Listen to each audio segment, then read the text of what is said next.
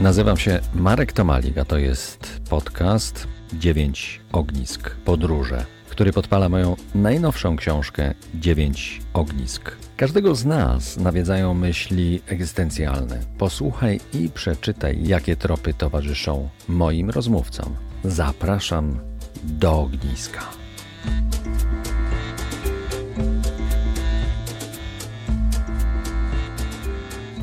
Dzień dobry wieczór.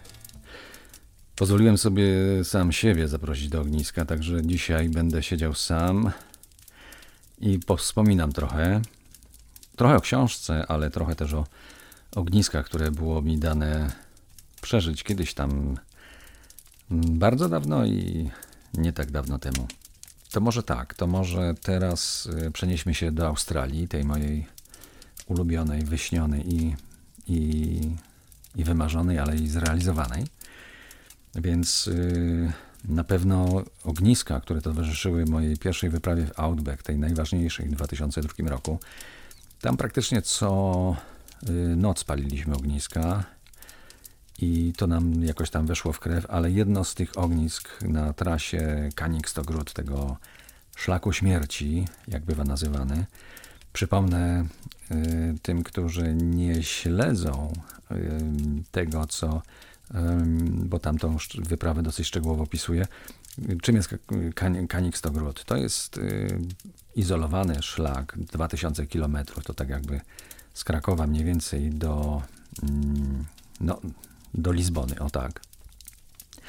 I po drodze nie ma ani jednej stacji benzynowej. Jest po prostu pustynia, jedna przechodzi w drugą. To znaczy, to jest ta sama pustynia, ale oczywiście człowiek na mapie ponazywał sobie mała pustynia piaszczysta, wielka pustynia piaszczysta i, i pustynia Tanami. I jedzie się przez e, co najmniej dwa tygodnie, jeżeli wszystko oczywiście idzie dobrze. Wtedy, kiedy myśmy pokonywali tę pustynię, to, to yy, może minęliśmy w ciągu tych dwóch tygodni może trzy samochody z przeciwka. Nie pamiętam tego dobrze, ale na pewno nie więcej. Także y, wrażenie, że jesteśmy daleko, że jesteśmy sami, że jesteśmy zupełnie, zupełnie w innej przestrzeni, jest bardzo silne. No i to nie da się ukryć, że to bardzo mocno oddziaływuje na, na psychikę. Na początku człowiek się boi, potem się wycisza i potem y, bardzo mocno go to ładuje, wręcz y, na lata. To jest takie trwałe doładowanie. No i tam właśnie były ogniska i te ogniska z, razem z uczestnikami było nas wtedy ośmiu, paliliśmy te ogniska. Jedno takie, które było w buszu, było bardzo zimno, bo trzeba wiedzieć, że w ciągu dnia jest temperatura około 30 stopni. Mówię o temperaturze w cieniu.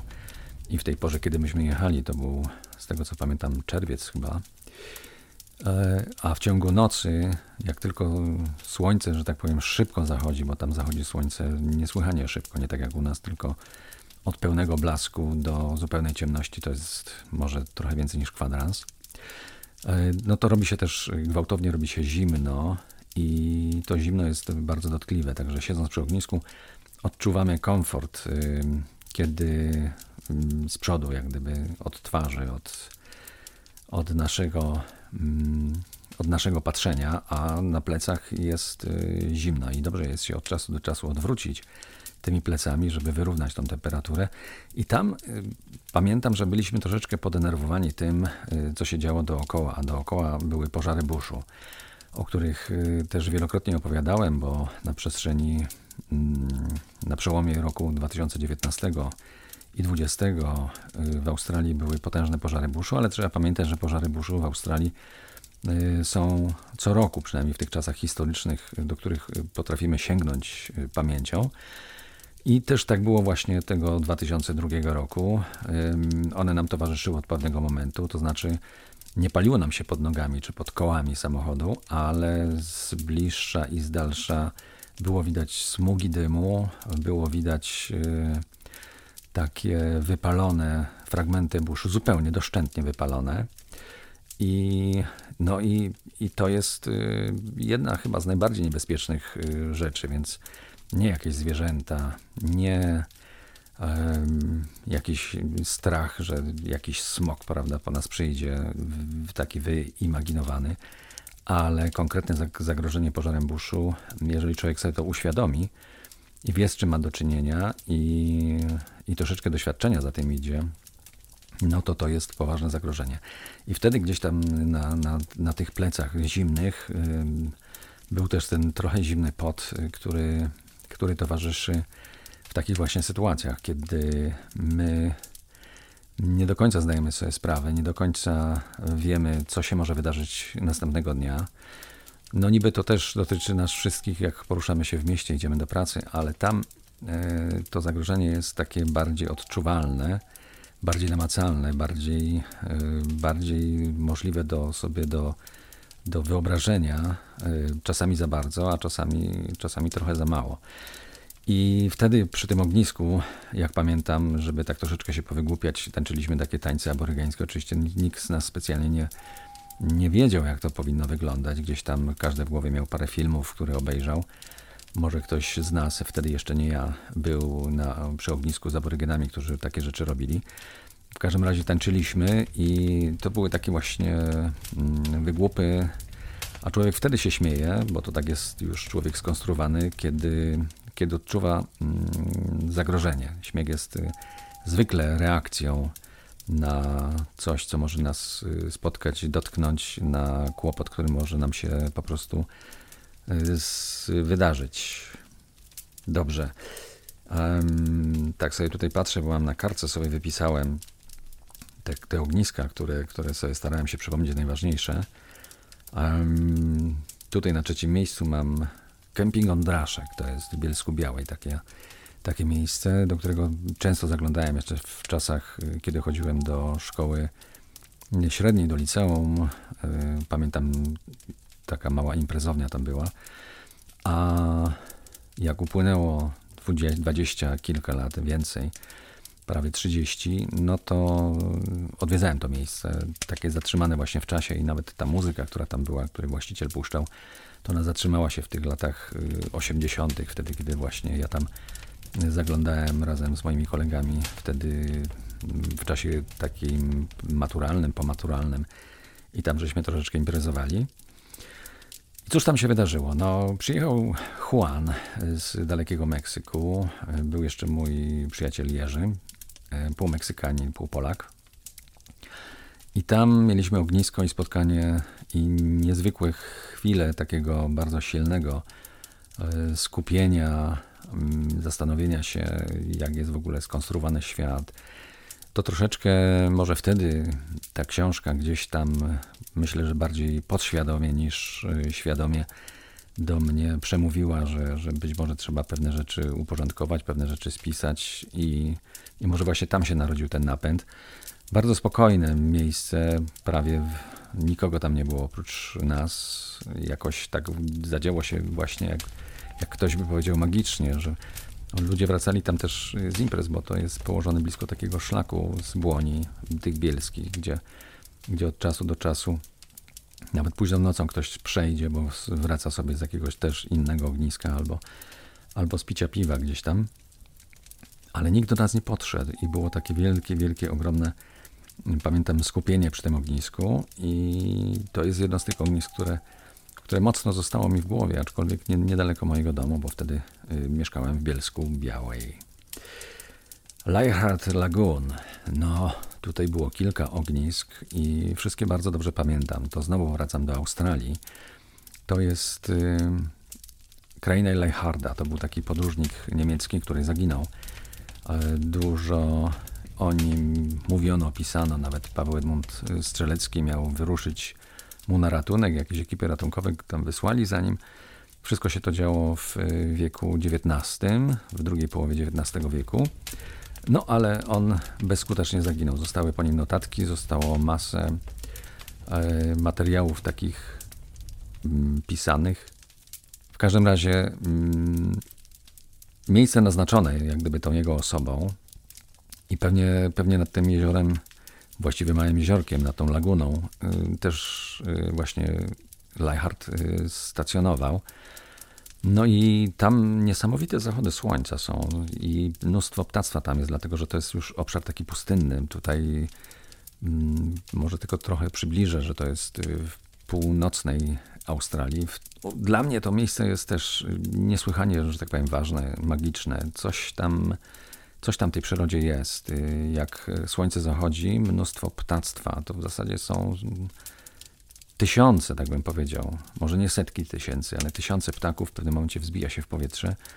One gdzieś tam krążą y, nad nami, gdzieś tam sobie ulatują, jakieś swoje sprawy mają, zbierają się, mają swoje rytuały. I myśmy też mieli swój rytuał, patrząc y, na to wszystko, na to zachodzące y, słońce, na te ptaki wzlatujące w, jakiejś wielkiej, ogromnej, mm, ponadnaturalnej wręcz ilości. Ale myśmy sobie wtedy palili ognisko i siedzieli przy tym ogniu jakąś tam strawę jedli. Kilkakrotnie tam zajrzałem, a w 2019 roku, jak tam chciałem zajrzeć, po raz kolejny to miejsce się okazało zamknięte. Mam nadzieję, że nie na zawsze, przynajmniej dla mnie. Ehm, tak, to może teraz y, wrócę jeszcze do ogniska takiego domowego, ale nie w sensie powiedzmy przenośni, tylko w sensie dosłownym. Mm, otóż pamiętam ze swojego domu rodzinnego, w którym się wychowałem, w którym mieszkałem przez 20 lat, w mojej wiosce w Kozach. Myśmy na początku mieszkali w takim małym domku wiejskim. E, praktycznie żadnych wygód tam nie było. I w pewnym momencie moi rodzice zdecydowali się na, na zakup, na kredyt, na zakup e, domu już murowanego. I tam były piece kaflowe e, w tym domu w tym moim poprzednim domu pieców kaflowych nie było. Ja byłem wtedy mm, bardzo maleńki człowiek. Miałem 4 lata, może 5 lat, ale pamiętam to. Pamiętam te piece kaflowe i, i czas, kiedy moja mama i mój tata wracali z pracy, wracali pociągiem. Potem te 30 minut jeszcze na piechotę do domu i w domu, zanim myśleli o jakiejś strawie, no to trzeba było napalić, szczególnie w tym okresie jesienno-zimowym. No i paliło się w dużym piecu w kuchni, ogromny piec. I potem trzeba było do tych pieców kaflowych w dwóch pokojach y, ten żar, który już powstał, który dał się transportować na łopatce, dało się przenieść. I to było wtedy moje miejsce, gdzie w sypialni moich rodziców, w jednym, przy jednym takim piecu kaflowym ja sobie po prostu siadałem. Ten ogień tam prychał przez jakiś czas. Yy, widziałem tylko, że że jakieś płomienie tam są, że te płomienie jakoś wabiło mnie to. Nie, nie wiem, jak to inaczej nazwać. I dopiero kiedy mama przychodziła i, twierdzi, i, i twierdziła, że, e, że pora jest, żeby zamknąć e, i, i odgradzała mnie przynajmniej wzrokowo od, od tych płomieni, które tam trzaskały za tymi pierwszymi drzwiczkami, bo tam coś było widać i zamykała te drugie drzwiczki takie dokręcane, e, no to wtedy piec jak gdyby po większej części zamierał. To znaczy w takim sensie, że już nie było słychać tego trzasku i nie było widać tych płomieni. I ja wtedy kończyłem sobie tą swoją tam taką własną y, siestę, nie wiem jak to nazwać, takie siedzenie przy tym ogniu. I to dzień w dzień tam po prostu wysiadywałem. Nie byłem stamtąd przeganiany, więc wszystko było, nie, nigdy nie, nie narozrabiałem przy tym ogniu, więc wszystko było ok. A, potem y, Potem były ogniska przy tym samym domu rodzinnym.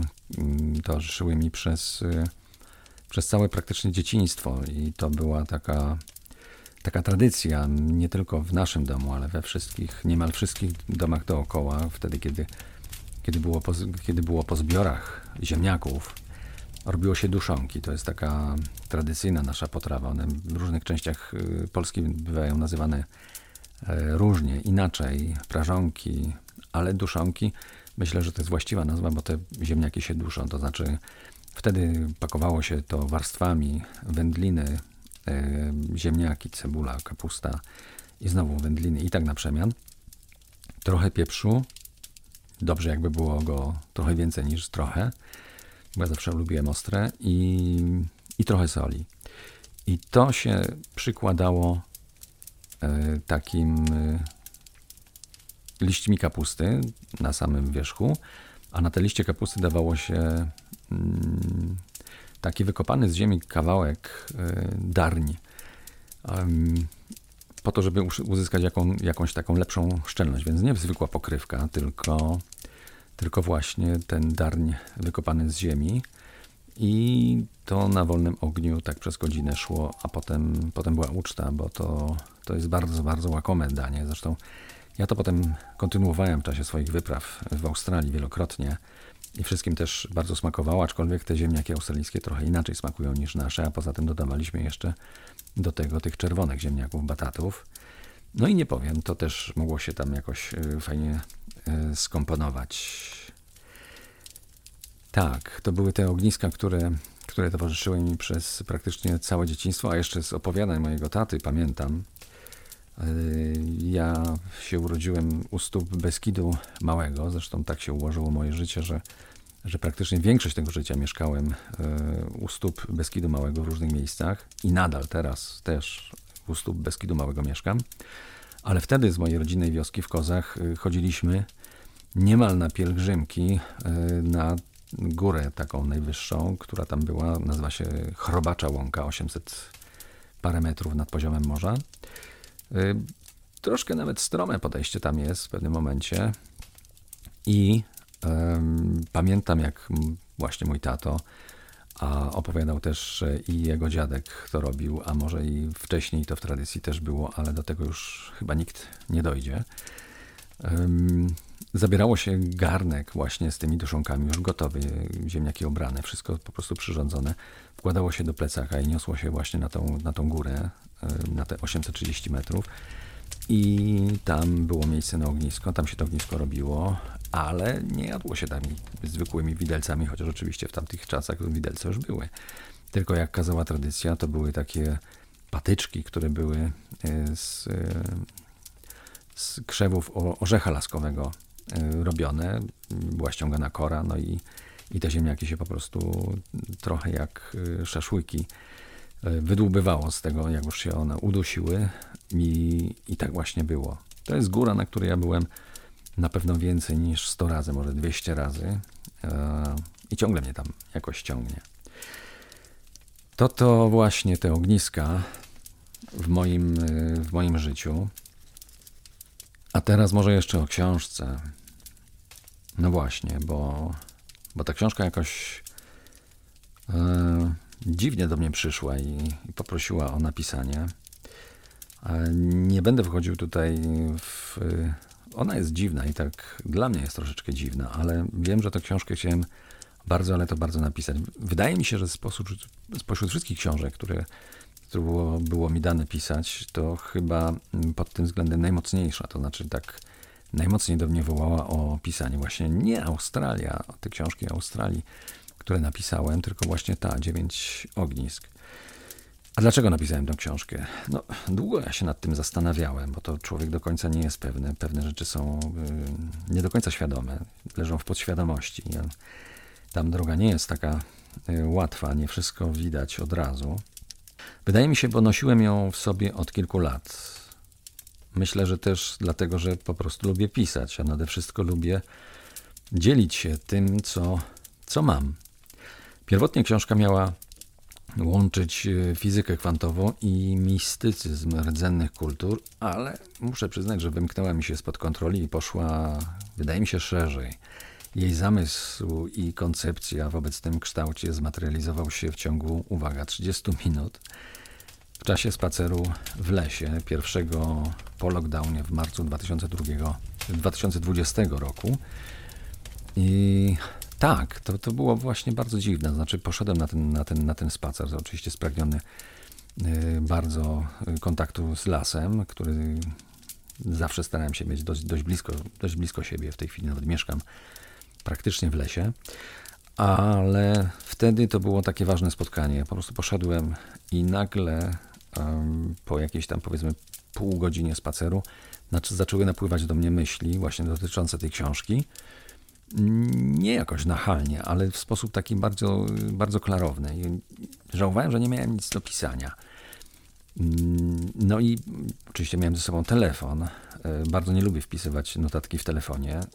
Jakoś e, zupełnie mi jest nawet do, do tej pory w, z tym po drodze, ale nie miałem wyjścia. Po prostu usiadłem i zacząłem notować, żeby nie zapomnieć e, pewne rzeczy, które, pomysły, które przyszły mi dotyczące tej książki. W zasadzie w zasadzie scenariusz na tą książkę, pomysł na tą książkę, jak ona będzie wyglądać, ile będzie miała rozdziałów. To wszystko się skrystalizowało w, w czasie tych, tych 30 minut mm, przy takim, wydawać by się mogło, prostym spacerze, więc y, polecam wszystkim wycieczki do lasu, bo y, tam ta możliwość y, interakcji z tak zwaną matką naturą może przynieść no, niesamowite rzeczy.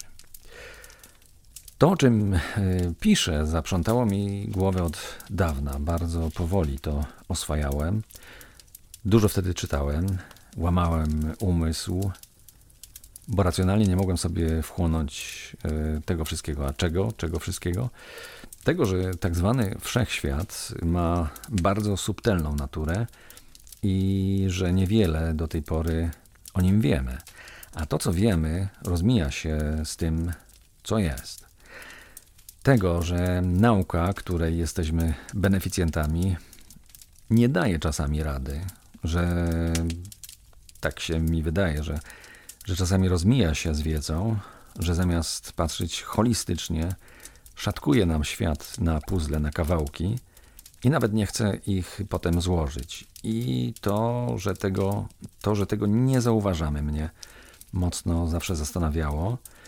E, bo w tym akurat wyrośliśmy. Pewne rzeczy są dla nas y, oczywiste, bo tak po prostu jest. Nie zastanawiamy się, dlaczego tak jest, ale po prostu tak jest.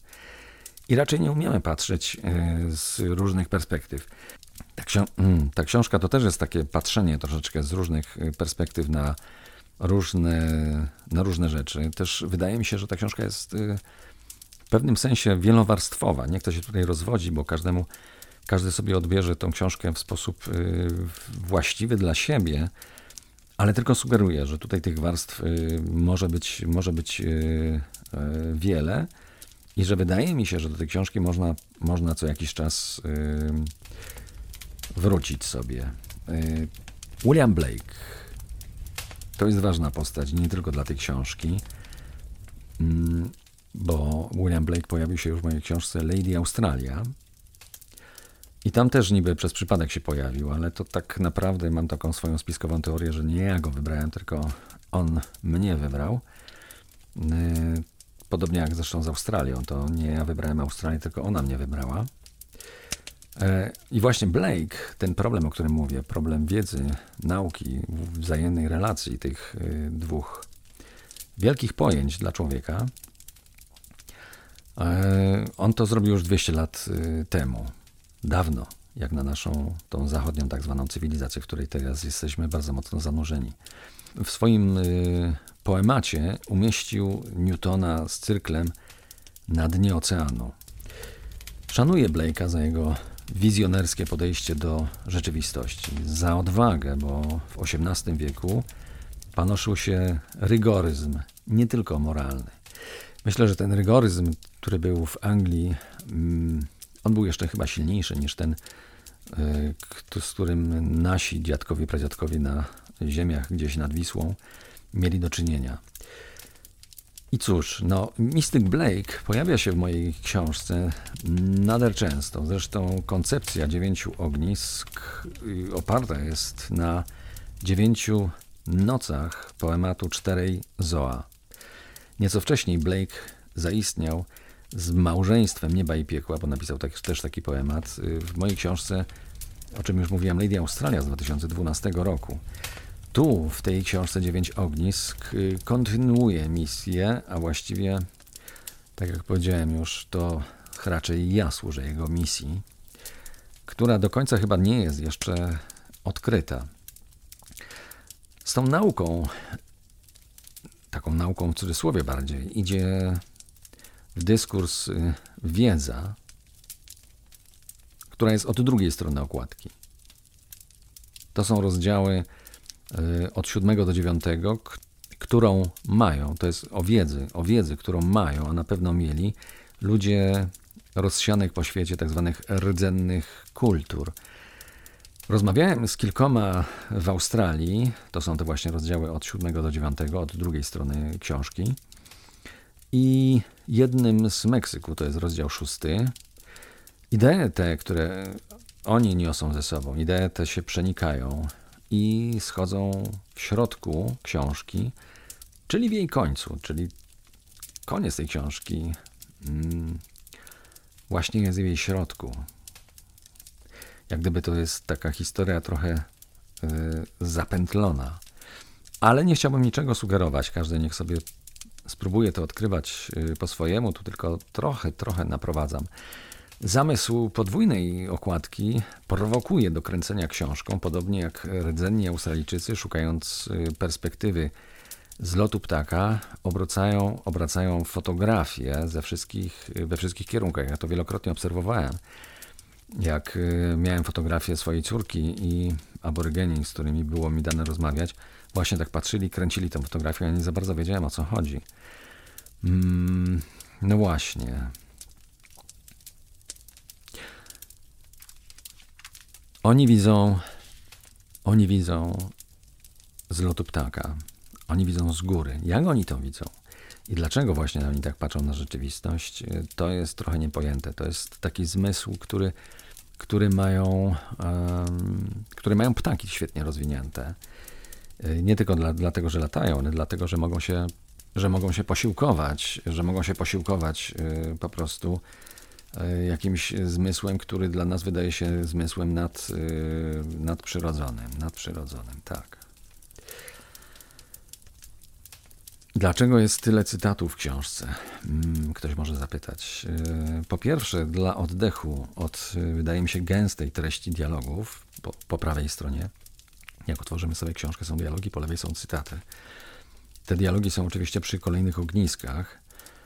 Um, ale też wydaje mi się dlatego, że, że trzeba, taki był mój zamysł, y, chciałem poszerzyć, chciałem wzmocnić to, co chciałem przekazać poprzez cytaty, które są y, napisane przez y, znacznie lepszych, znacznie bardziej dogłębnych pisarzy niż to moje pisanie.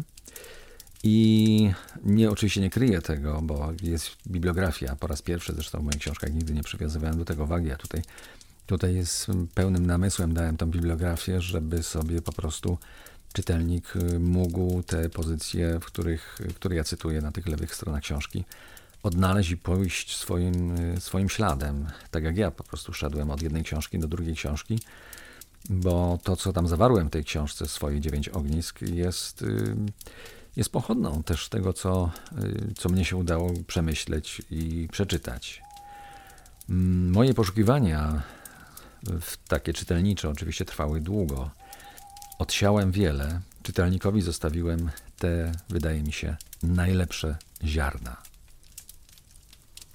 Może ktoś zapytać jeszcze o y, rysunki, które pojawiają się w książce, o barwne fotografie. Tak, chciałem trochę nawiązać do, do XVIII wieku, do Willama Blake'a, więc zdecydowałem się nie na barwną książkę, żeby też wzmocnić tutaj jak gdyby działanie tekstu. E, sięgnąłem po fotografię, ale przerobiłem je na, na ryciny. Jak umiałem, tak, tak to przerobiłem, ale pojawiają się też rysunki mojej córki Leny. Ona wtedy miała 5-6 lat, jak rysowała te rzeczy. E, oczywiście z ojcowskiej miłości, ale też dla potrzeb tejże książki. Otóż wydaje mi się, że, a nawet jestem przekonany, że dzieci, przynajmniej te do lat 7, widzą trochę właśnie aborygeni. Świat, który nie jest skażony jedną właściwą perspektywą obserwacji spraw.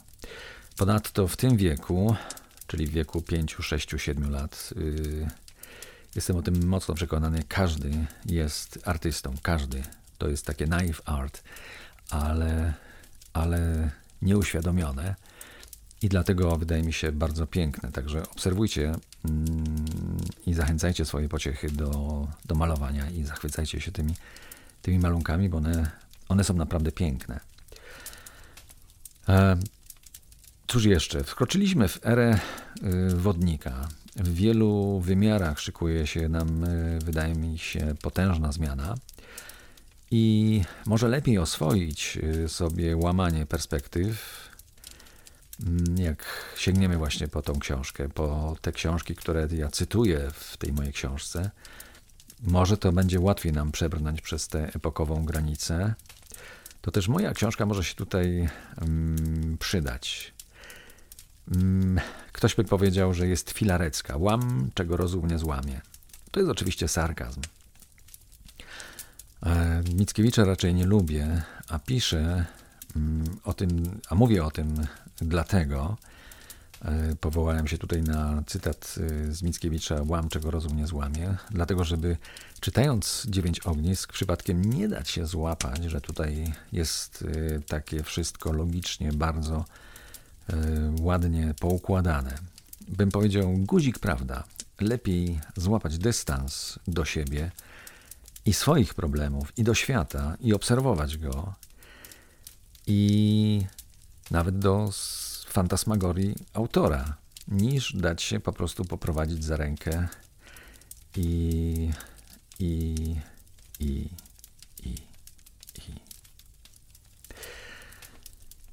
Właściwie to jest prawie wszystko, co chciałbym powiedzieć. Chciałem jeszcze tylko podziękować. Yy, oczywiście mm, nie wymienię tego w kolejności, tak jak po prostu gdzieś mi to w głowie tam się filtruje, więc proszę mnie o to tutaj e, nie strofować. E, Chciałbym podziękować wydawnictwu Book Edit, bo, bo to wiedziałem, że to nie jest łatwa książka dla wydawnictwa. Wprawdzie to jest self-publishingowe wydawnictwo, ale też y, swoje środki mm, musiało to wydawnictwo wyłożyć i swoje moce marketingowe, każde. I jak przekonywałem wydawcę i powiedziałem mu, wszystkie haki wyciągnąłem, powiedziałem, słuchaj, to jest naprawdę dziwna książka. On zapytał się, no dobrze, a powiedz mi, znaczy ja go zapytałem, zapytałem go, czy, e, czy po tym, co ode mnie usłyszał, czy ma nadal ochotę na, na wydawanie tej książki. On powiedział, oczywiście, że tak, oczywiście, że tak. Ja mówię, no to jeżeli to mówisz serio, no to, to, to rozmawiamy o tym dalej, bo możemy sobie porozmawiać o in, innych rzeczach. Zresztą takie, takich rozmów było sporo, bo udało nam się polubić i myślę zaprzyjaźnić. E, Chciałbym podziękować moim bliskim, którzy zawsze są blisko tego, tego procesu, nazwijmy go twórczym. E, I muszą znosić fanaberię tego, który pisze, który nagle po prostu zapędził się i nie ma czasu, żeby coś tam zrobić w tych zwykłych domowych warunkach, bo, bo myśl ucieka musi szybko zapisać albo ją musi przetworzyć. E, Chciałbym podziękować grafikowi Danielowi Malakowi, bo to jest człowiek, który swoją mm, cierpliwość mógł w paczkach sprzedawać. E, Miałem oczywiście wiele pomysłów i, i wielokrotnie tę książkę gdzieś tam poprawiałem i to był człowiek, który, który wszystkie te moje poprawki jakoś e, wprowadzał i nigdy nie powiedział, że, że dałbyś sobie już spokój. Mm. Chciałbym po, podziękować współtowarzyszom moich wędrówek, Roketowi, Waldiemu, Ptaszkowi, Jackowi, Juanowi, oczywiście Bilawarze i Lynette, aborygenką, a także Juliannie i Ryszardowi Bednarowiczom, bez których też e, moja wiedza o aborygenach, moje kontakty z aborygenami nie byłyby tak e, pełne.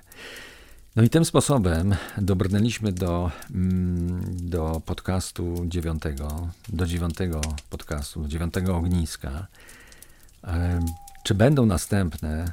Nie wiem. Myślę, że to zależy od Was, bo rozmówców do ognisk, przy ogniskach e, zawsze znajdę, bo ludzie chcą rozmawiać i jakoś ze mną, mm, przyznam szczerze, jakoś otwierają się i i, I możemy jeszcze pociągnąć ten temat. Możemy zrealizować ognisko 10, 11, a może i 111 albo 109. Mm, To będzie zależało od Was, y, od Ciebie, czytelniku, od Ciebie, słuchaczu, bo jeżeli taki sygnał się pojawi, to na pewno na niego zareaguję. A teraz, tak jak przy poprzednich ogniskach, zamiast y, ciągnąć jeszcze temat dalej, to jak aborygen trochę z wami pomilczę i posłucham, jak on, jak to ognisko strzela, jak jest z nami, jak wypełnia treścią to, czego powiedziałem i to, czego nie powiedziałem.